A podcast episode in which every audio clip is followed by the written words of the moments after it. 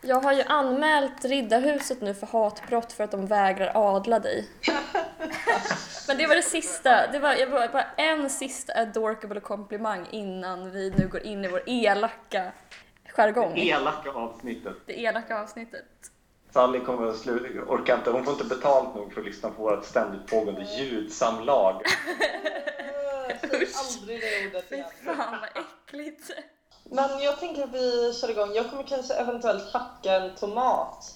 Ja, jag ska tydligen hacka 15 tomater till ett recept jag tänkte laga. Ja. Ehm, Du ser ut som att du har corona. Har du det? Det elaka avsnittet är igång. Med full... Hur? Förlåt, jag måste bara...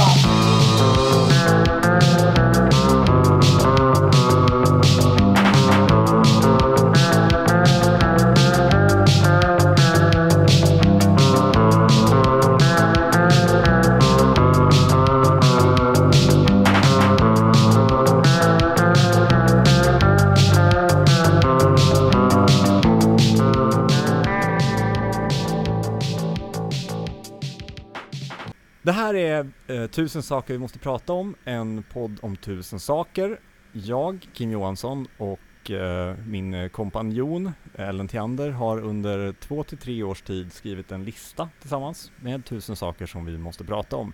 Tillsammans med den otroliga producenten Sally Eriksson så går vi varje vecka igenom ett antal saker eh, som vi slumpmässigt drar ur en eh, figurativ, säger man så, figurativ hatt. Är du redo Ellen? Ja, hej. Mår du bra? Hej, mår du bra? Ehm, ja... Ja, ja, men det gör jag. Har du corona?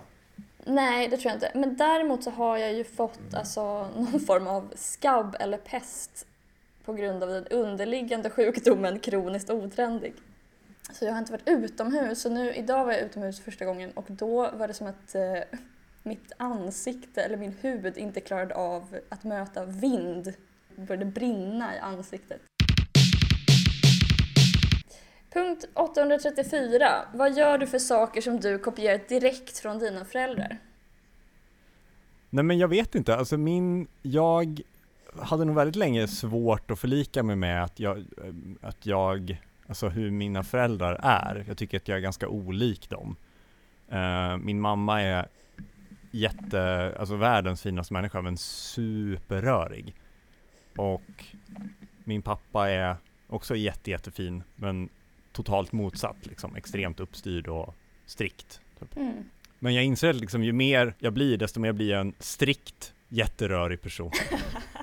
så, att, eh, så att det är väl det. Sen annars, alltså det, det sjukaste kommer nog inte från mina föräldrar, utan det sjukaste kommer nog från att jag har, jag var liksom förkyld ett tag, långt innan corona, och utvecklade liksom någon slags host och harkling som jag har lagt mig an, och den är exakt som min morfars, vilket gör att så här, det låter liksom som att det är min morfar Mm. som harklar. En riktig sån Just det. Ja, exakt så det är. Jag har också en massa ljud som jag delar med mina föräldrar. En liksom tyst inåtvissling som är så här... Går runt så här, respektfull eh, bekymmersfrihet. Ett felaktigt sätt att andas på som har liksom gått i arv. Ja, precis. Men dina föräldrar är ju liksom e- excentriker. Ja, de är kufar. Alltså mina föräldrar till exempel är alltid nakna. Och Det är jag också. Eh, Så till den milda grad att jag... Det var ju kanske ett misstag då men eh, på en gårdsstädning som jag hade med föreningen som jag bor i så sa jag till min granne, det kom fram då att jag pratade med en granne som bor precis mitt emot mig. Och då sa jag till honom, förlåt för att jag alltid är naken. Men vilket gör att jag nu är liksom skitorolig för att han liksom ska aktivt kolla om jag är naken. Sen så äter de inte mat, det gör inte jag heller. Eh, de är liksom, det är så här, vad blir det till middag? Eh, Och då säger kanske pappa att han vill äta något med kaviar. Och mamma säger att hon vill äta något med sylt. Ja, då får man utgå från det helt enkelt. Och ibland äter de liksom russin och frön ungefär. Som någon slags förhistoriska djur. Så dina föräldrar är jägar-samlare. Ja, precis. De sparar också papperstussar plastpåsar och papperstussar. Så att de har samma papperstuss att torka av diskbänken med år efter år. Alltså de är gröna vågare då, men de tillhör ju, dels så är de förstås intresserade av liksom klimatfrågan men de är framför allt den typen av miljöintresserade som just håller på med typ källsortering och att återanvända papperstussar. Eh, sen det här miljö, alltså det är roligt också för att mina föräldrar kan emellanåt kritisera mig för att jag till exempel då om jag slänger ett mjölkpaket i soporna men då, alltså de, för, så de kritiserar mig för att jag inte är tillräckligt miljö, eh, liksom, engagerad. Men det är väldigt LOL för att jag till exempel har eh, arrangerat en så här hållbarhetsfestival eh, som handlade om liksom, hur vi ska rädda klimatet och jobbat för Naturskyddsföreningen, är vegetarian sedan 11 års ålder eh, och så vidare. Så jag tycker att jag har mitt på det torra. Men en kollision av den gamla och den nya tidens miljöaktivister tänker jag. Jag tänker mm. att så här gamla tiden, typ min farmor diskade plastpåsar och så här klippte ur kartongbitar från ja, flingpaket så man skulle rita på dem och sådär. Jag tänker att så här, du har någon sån, du hittar på någon algoritm som räknar ut när ugnen ska stängas av precis innan maten är klar så att den liksom görs klar på eftervärmen så mer el inte används. En sån kulturell miljöaktivism. Jaha, du, du tänker att jag är så? Att jag skulle utveckla en algoritm? Det sjukaste någon någonsin sagt Jag vet inte. Men det känns som en, en hållbarhetsfestival är väl mer åt det hållet? Ja, jo. Jag har också, jag klättrade upp i TV-eken bland annat. Det, det är ju något, min mamma satt i almarna och jag satt i TV-eken vilket är, så här i efterhand det kanske inte är helt jämförbart för den gamla eken var ju liksom, ja den var ju typ rutten fallfärdig. Men där har du symbol, eh, symbolmiljöaktivismen. Ja men lite, en släng av symbolmiljöaktivism fick jag av dem. Men du klättrade alltså upp i tv, alltså samtidigt som det var så sågpersoner där? Ja. För att de inte skulle såga ner De var inte där då när jag var där, men vi turades om att sitta där. Det var inte så att du kedjade fast dig framför en brummande motorsåg och bara det, det är mig och eken. Ska ni ha ekens kåda på era händer kan ni lika gärna ha mitt blod, sa du. Ja, jag har varit med på flera, jag var med i Kärrtorp till exempel och eh, min första demonstration tror jag var Lundin Oil stod på plattan och skrek Carl Bildt mördare. Jag har försökt gå på demonstrationer, jag har varit på några demonstrationer men jag på något sätt slutade försöka när jag missade, ehm, jag bor i Uppsala och det var en nazistdemonstration i stan um, som liksom omringades av givetvis fler uh, antinazister än nazister. Och uh, de höll till på Stora torget i Uppsala, det blev ganska mycket tumult. En, uh, en av nazisterna bröt sig loss från ledet och attackerade en motdemonstrant. Och det var någon kompis till någon kompis till mig och det var, allting var väldigt dramatiskt. Och jag skulle varit där, men Ja, vi skulle ha svärföräldrarna på middag på kvällen och vi hade inte bubbelglas. Så jag satt fast på Åhléns och försökte välja ut bubbelglas. Så jag skickade bilder till eh, min flickvän på olika typer av glas. Ja, vi har alla våra kamper. Det går inte att jämföra en kamp med en annan kamp. Nej, där är jag mer lik mina föräldrar tror jag. Vad gör ja. dina föräldrar mer då? Som du gör? Eller du som dem? Eh, min mamma har absolut inget, hon förstår absolut inte att människor inte magiskt kan få eh, kontexten överförd till berättelser. Utan hon tänker typ att allt hon tänker broadcastas ut till alla i sin närhet. Så börjar hon alltid mitt i saker. Och det, det har jag börjat med mycket, mycket mer, liksom. Eh, fast nästan på en värre nivå, att jag bara reagerar högt på någonting som jag tänker eller läser och så förväntar jag mig att min, min flickvän ska förstå vad fan jag menar. Det blir mer och mer. Det är därför det känns alldeles utmärkt att jag har gått med på att göra en podd. Börja mitt i en Jag ringer upp dig på Skype och bara skrattar. Ska vi, eh, ska Sally fuckas up med en till? Mm. Jag tror inte jag bottnar i att säga fuckas up. Okej, okay, 165. Uh, gör den bästa imitationen av en kölappsmaskin. Du -du. Ja, det, det var ju i, i, i princip en helt perfekt imitation. Jag känner att jag står i kö nu. Skitstressad. Du -du. Helvete, nu måste jag ja, kolla på i skylten. Ledig handläggare i kassa 3, ledig handläggare i kassa 3. 67! Är det någon som har 67? Du, du. 68 då? Är det någon som har 68? Kom igen! Du, du.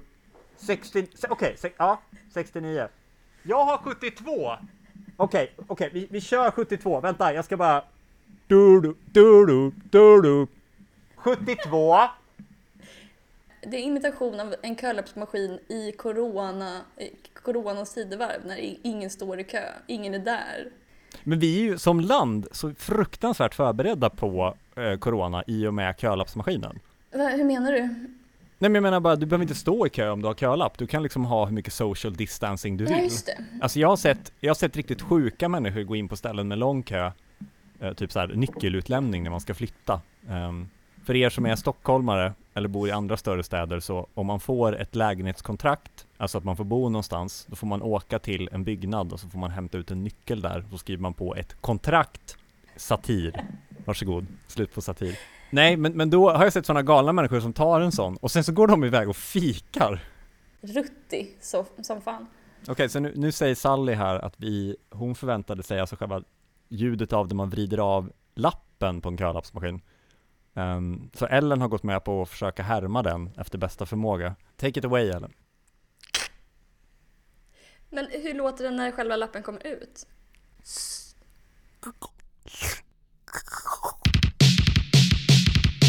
Punkt 200. Jag föraktar folk som använder inom citationstecken svåra ord. Eh, eventuellt tecken på dålig bildning eller dåligt självförtroende.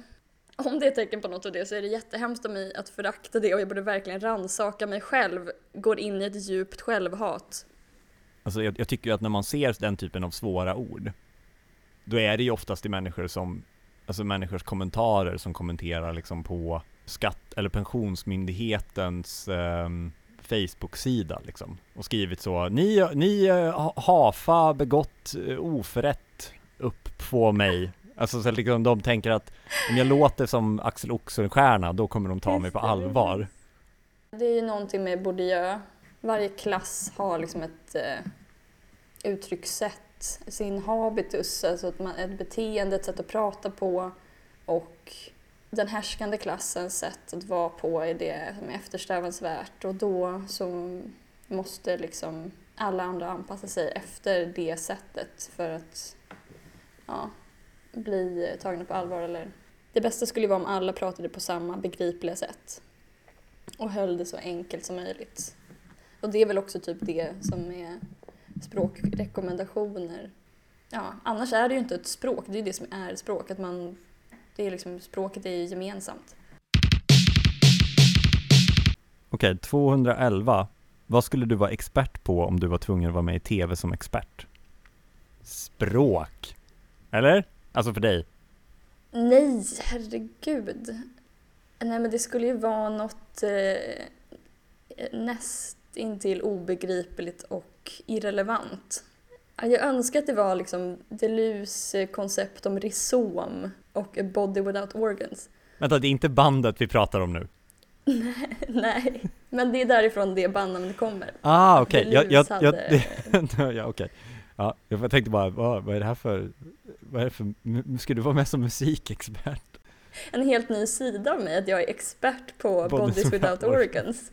Jag sitter ideligen i olika tv-soffor och eh, delar med mig av min expertis, insiktsfulla eh, resonemang om Bodies Without Organs Du tolkar deras texter. i varenda tv-soffa. Kanske spela lite bootlegs. Här är deras tidiga grejer som jag har spelat in. Ja, men inte bara, alltså det är också att jag, jag uttalar mig om diverse ämnen men utifrån ett Bodies Without Organs perspektiv.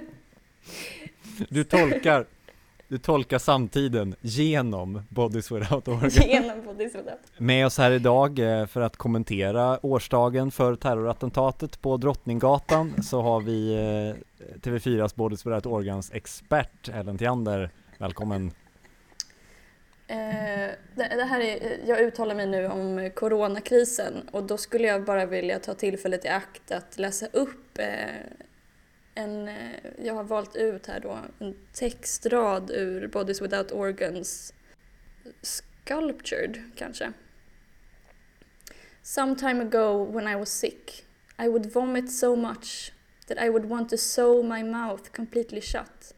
A body sealed up, unable to breathe.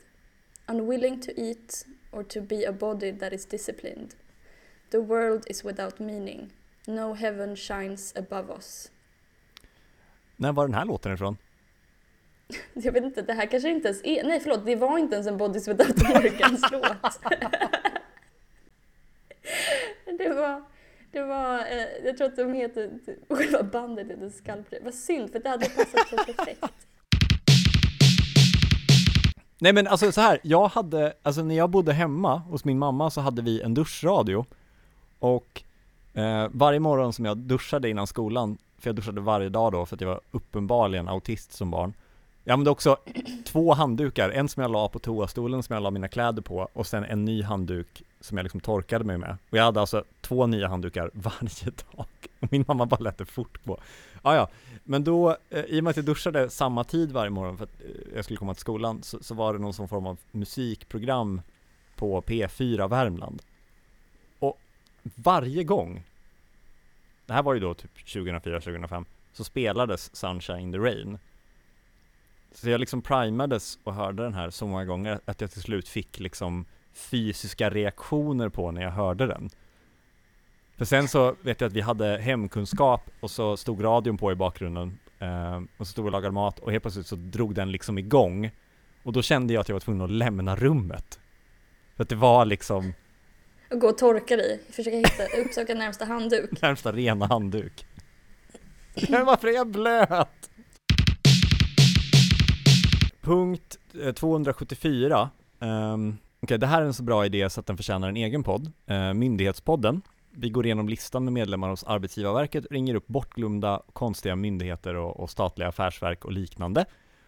Det, det, finns liksom en hel lista hos Arbetsgivarverket där man kan gå igenom olika myndigheter och SCB har också en lista över svenska myndigheter och den tror jag uppdateras dagligen för att det är den typen av liksom myndighetsomsättning. jag tror att den innehåller typ 200 myndigheter nu eller något. Um, och även bland andra liksom typer av statligt eh, anknutna organisationer. Eh, och jag har valt ut mina favoriter och sen ska jag prata lite kort och lite kort om en eh, rolig eh, myndighet. Men, men först en lista bara. Eh, rulla listgingen.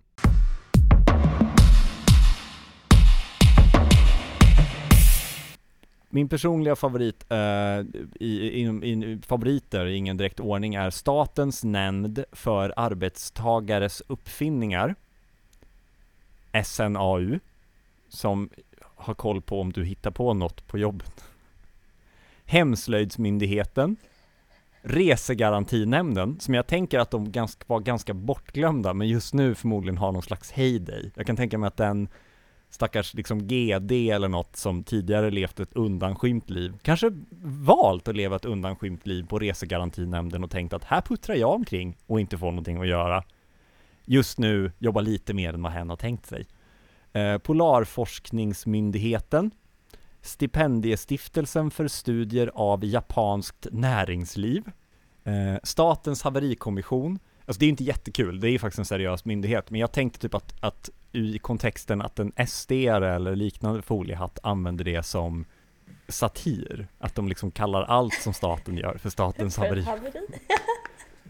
eh, nämnden för styrelserepresentationsfrågor, eh, jag vet inte, det var ett kul namn. Statens ansvarsnämnd, och det är också samma upplägg då, att man skulle använda det som satir.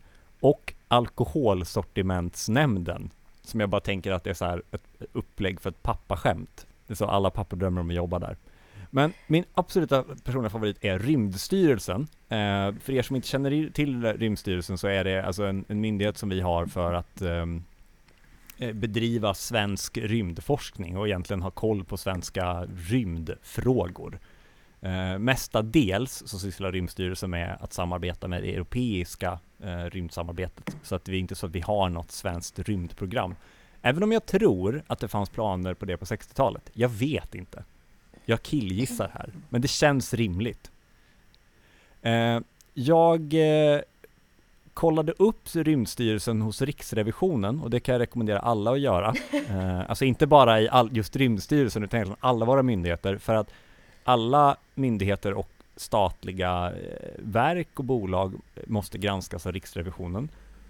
Och det måste de göras även om det inte finns någonting att anmärka på. Men Riksrevisionen hittar alltid någonting att anmärka på. Så att den här punkten är alltså Kim läser högt från Riksrevisionens revisionsrapporter för Rymdstyrelsen från 2004 till 2009. Det här är det Eh, mesta vi- du jag någonsin hört. Jag har aldrig sett dig så, dig själv. Vi kan börja 2004, eh, 2004 eh, vilket jag tror är året då styrelsen startades. Eh, själva eh, datumet är 2005 04 12 och diarienumret för den som vill kolla upp det här är 32 2004 06 44. Och då är det egentligen en ganska plain eh, årsredovisning eh, eller eh, redovisningsrapport där man ehm, som vanligt har några synpunkter. Riksrevisionen har i princip alltid synpunkter och det handlar oftast om någon form av formfel. Eh, till exempel, i det här fallet så finns det inget fel på själva Rymdstyrelsens verksamhet utan man, de, de liksom synpunkter man har är Iakttagelserna ger i allt väsentligt en samlad bild av generella brister i kvalitetssäkringen av årsredovisningen avseende såväl fullständigheten mot krav i förordningar och regleringsbrev som hur information presenteras i årsredovisningen. Eh, jag blev lite nyfiken på det här och eh, tog det till en kompis som gärna vill vara anonym, som jobbar på en svensk eh, statlig myndighet. Han förklarade för mig att en av de vanligaste felen som görs här är att man använder fel wordmall när man skickar in. Ehm, och det här är alltså på nivån radbrytningar. Ehm, så, så oftast då är det den, den typen av, av fel som kommer fram. Så det var ehm, kul passus här att han berättade om hur en kollega som skulle skicka in en rapport eh, skickade in den inom konst alla regler, men på något sätt hade låka, råkat göra den i liggande format. Och det var inte godkänt. Sen är jag också nyfiken på hur det ens har gått till. Vi kan ju grotta länge Ja. i det här, men jag hoppar vidare till 2005. Mm. Ehm, och då är det egentligen samma, samma sak där då. Eh, bland annat så, så är det liksom formfel, men också att det finns en, en ehm, betalning som eh, var försenad. Eh, Rymdstyrelsen genomför betalningar för juni och oktober väsentligt senare än fastställda betalningspunkter. Eh, och det är då betalningar som ska göras till det här gemensamma rymdprojektet. Då ska vi se. Ja, sen Ja, då kan man ju undra varför jag har lagt tid på att läsa alla de här. För så högt underhållningsvärde är det ju inte just nu. Ehm, Ingen men, som känner dig undrar det. Nej, Men berätta men för de som inte känner mig. För de tre personer som inte känner mig som lyssnar på det här. Eh, så under punkt 3 i, i eh, årsredovisningen från 2005 så finner vi den här punkten. Punkt 3, ledningens förvaltning. Rymdstyrelsen har en person anställd som uppbär full lön men som inte utfört något arbete för Rymdstyrelsen och inte heller har vistats på arbetsplatsen sedan hösten 2003. Tjänsten utförs sedan 2003 av en person som Rymdstyrelsen anställt som ersättare. Rymdstyrelsen har inte lyckats upprätta någon överenskommelse om hur situationen ska lösas. Gud, det här är ett, ot- ett otroligt gräv. Vi hoppar vidare. Eh, Jag hoppar direkt till året efter samma punkt, ledningens eh, förvaltning. Eh, det här är alltså ett år senare. Som Riksrevisionen tidigare rapporterat i en revisionsrapport daterad 2006 0321, alltså dokumentet vi precis läste ifrån, har Rymdstyrelsen en person anställd som uppbär full lön men som inte utfört något arbete för Rymdstyrelsen och inte heller vistats fysiskt på arbetsplatsen sedan hösten 2003. Rymdstyrelsen har inte heller detta år lyckats upprätta någon överenskommelse om hur situationen ska lösas. Eh, vi hoppar vidare till 2007. Jag scrollar snabbt vidare till, till eh, samma punkt här. Ledningens förvaltning. Riksrevisionen har i två tidigare rapporter till Rymdstyrelsens styrelse påpekat förhållandet att myndigheten sedan september 2003 har en person anställd med full lön som inte har utfört någon form av arbete och inte heller vistats fysiskt på arbetsplatsen sedan 2003. Riksrevisionen har rekommenderat att åtgärder för att hantera problemet snarast bör vidtas. Rymdstyrelsen har i sina svar påtalat avsaknaden av ett tydligt regelverk för dylika fall, men har understrukit att åtgärder kommer att vidtas för att lösa problemet. Vid 2007 års granskning av Rymdstyrelsen framkommer att myndigheten ännu inte har vidtagit åtgärder. Riksrevisionen konstaterar att Rymdstyrelsen har diskuterat ett antal olika åtgärder och åtgärder har även övervägts. Men någon samlad dokumenterad genomgång och bedömning av ärendet har inte gjorts. Riksrevisionen rekommenderar Rymdstyrelsen att göra en genomgång av ärendet för att identifiera möjliga lösen, lösningar och att för myndighetens effektivaste åtgärder vidtas. Det är också stor vikt att genomförd utredning och beslutade åtgärder dokumenteras. Riksrevisionen vill till styrelsen understryka vikten av att detta personalproblem snarast utreds och att en lösning inom ramen för god hushållning med statens resurser nås. Hänger du med? Ja, ja det vi, är nu, vi, vi är nu alltså, gått, det har gått, alltså gått fyra år. Det här är ju f- revisionsrapporten för 2007, så den är ju alltså skriven 2008. Och det jobbar alltså, den här personen jobbar alltså fortfarande kvar. Och har inte varit där på, på, eh, fem år. Vi hoppar till eh, årsredovisningen för eh, 2008. Då går jag direkt till punkten som nu har fått en egen punkt. Skriven i stora bokstäver. Personalärendet har ännu inte avslutats.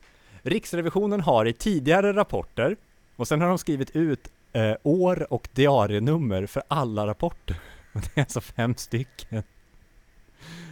Har i tidigare rapporter till Rymdstyrelsens styrelse påpekat förhållandet att myndigheten sedan september 2003 har en person anställd med full lön som inte har utfört något arbete och inte heller vistats fysiskt på arbetsplatsen. Riksrevisionen har skarpt rekommenderat att åtgärder för att hantera problemet snarast bör vidtas. Vid 2008 års granskning av Rymdstyrelsen framkom att myndigheten ännu inte vidtagit några åtgärder. Liksom tidigare år har Riksrevisionen konstaterat att ett antal olika åtgärder har diskuterats, men detta har inte dokumenterats och bedömning av ärendet har inte gjort. Rekommendationer. Riksrevisionen understryker vikten av att detta personalärende hanteras och att en lösning inom ramen för god hushållning med statens resurser nås. Eh, vi hoppar till 2009. Ska vi se här. Ja, här, är, här står ingenting. Här är personen borta. Så någonstans mellan eh, april 2009 och mars 2010 så fick alltså den här personen gå från Rymdstyrelsen efter att ha lyft full lön i fem år utan att ens befinna sig, nej sex år, utan att ens befinna sig fysiskt på arbetsplatsen. Och jag vill nu skicka en efterlysning. Är det någon som vet vem den här personen är? Vet någon hur det här har gått till? Kan jag få prata med den här personen? Det är det enda man vill ju, söka upp den här personen. Det är det enda man vill. Men vi borde egentligen ringa, liksom, ringa upp Rymdstyrelsen, det kan vara en följetong där. Jag tycker verkligen det. Ehm, ja, eh, tack alla för att ni har lyssnat på den här eh, veckans avsnitt av Kim läser högt från Riksrevisionsrapporter. Jag hoppas att återkomma inom kort med, eh, med fler. Du, du borde börja bråka som Linnea om disken. Att så här, jag ser att även denna dag har inte glaset flyttats från diskhon till diskmaskinen. Åtgärder har diskuterats men inte dokumenterats. Som partner tidigare har påpekat i föregående rapporter 2007 03 12 diarienummer 32 01 15 så har frågan om glaset ännu inte hanterats på ett sätt som eh, bidrar till god hushållning med hushållets resurser. Re- Partner rekommenderar skarpt att frågan hanteras skyndsamt. Ska vi ta din långa punkt? Mm. Det, det kommer vara liksom ett långt upplägg för en eh, eh, kort och eh, halvtråkig punchline. Punkt 987. Alltså nu har ju liksom gatorna tömts på rörelse och det, vi är liksom i ett långsamt, väldigt långsamt tillstånd hela samhället. Och eh, så jag har varit i någon form av smärre karantän och också varit liksom i det här långsamhetens tillstånd och bland annat tänkt väldigt långsamt. Och då så kom jag att tänka på en understreckare av Kim Solin i SVT en gång för något år sedan. Som, han, eh, den hette Den förlorade konsten att förlora sig i läsning och, och återger en eh, bok bland annat som heter Slow Philosophy, Reading Against the Institution av Michelle Boulos Walker. Och det handlar om det, det icke-instrumentella läsandet och tänkandet. Och hon beskriver den fulländade läsakten som dröjande, flanerande, utan mål och präglat av kärlek. Eh, sen dess, sen jag läste det, så har jag liksom hemsökts av en tanke om att det slags läsande är under attack eller, och, och att motsvarigheten inom vad som helst är det. Det finns en filosof som heter Byung-Chul Han som ofta framhåller att eh, människans tillvaro i senkapitalismen kännetecknas av multitasking och ett överskott av intryck. Eventuellt då, om man ska ta det här eh, Michelle Willows Walkers definition av en fulländad, ett fulländat tänkande, liksom, djupt tänkande, så är det, känns det som en ganska dålig utgångspunkt att man lever i sån hetsig, eh, ett hetsigt samhälle som är präglat också av produktivitet och anspråk och begär. Och liksom.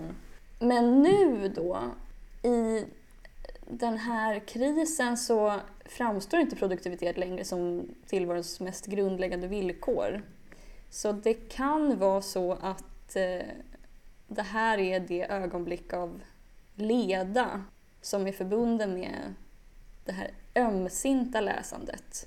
Vi har inträtt i sen-kapitalismen. Ja, det var, det var min punchline. Men eh, det, det här har också avhandlats, alltså det finns, jag läste en bok, en roman av eh, Otessa Mosfi bland annat, som heter Ett år av vila och avkoppling. Som eh, framställer eh, vila och planlöshet som en motståndshandling i en samtid på speed.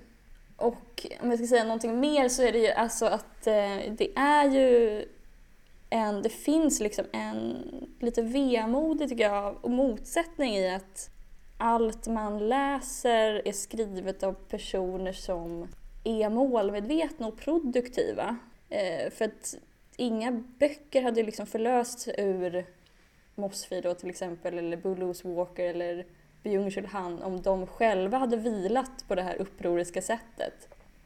Eh, och Elizabeth Hardwick som är en författare för detta, ja, numera är hon väl död men hon var redaktör på New York Review of Books tror jag bland annat och litteraturkritiker. Eh, hon har bland annat sagt att eh, skapande eller liksom skrivande alltid springer ur antingen hämnd eller desperation.